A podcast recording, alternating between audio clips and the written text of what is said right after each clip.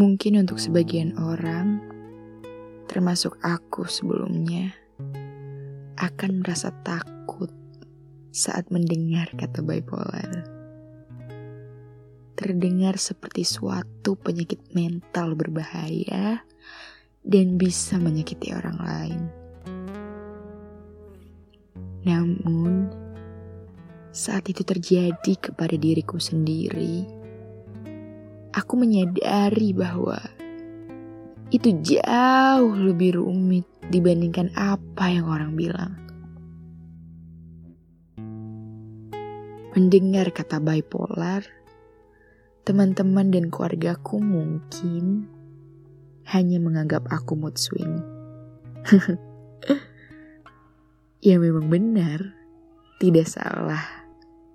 Tapi ini jauh lebih rumit. Saat menjalani hidup berdampingan dengan manik dan depresi, berubah-ubah yang tak menentu tanpa tahu kapan ada di fase manik atau depresi. Bangun dari tidur, menjadi depresi tanpa sebab dan ingin mati, kemudian terlelap lagi dan bangun, merasa seperti orang paling bahagia di muka bumi ini. Semuanya terasa aneh.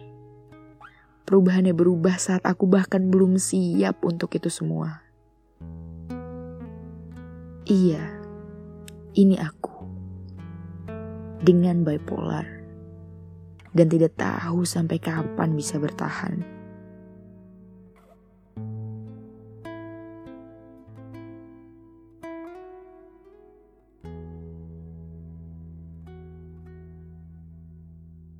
Iya, ini aku juga. Dengan mengidap penyakit mental yang sama, ingin berterima kasih kepada diri sendiri karena sudah bertahan sejauh ini. Dan pasti akan bertahan hingga hari ke hari. Karena ini aku yang diberi kepercayaan untuk mempunyai penyakit ini dan aku yakin mampu untuk selalu berdampingan dengan manik dan depresi. Hidup sejauh ini bersama bipolar tidak pernah menjadi alasanku untuk selalu merasa di fase depresi. Karena aku yakin cepat atau lambat manik akan datang menghampiri. Dan ini aku, aku mampu menjadi bipolar.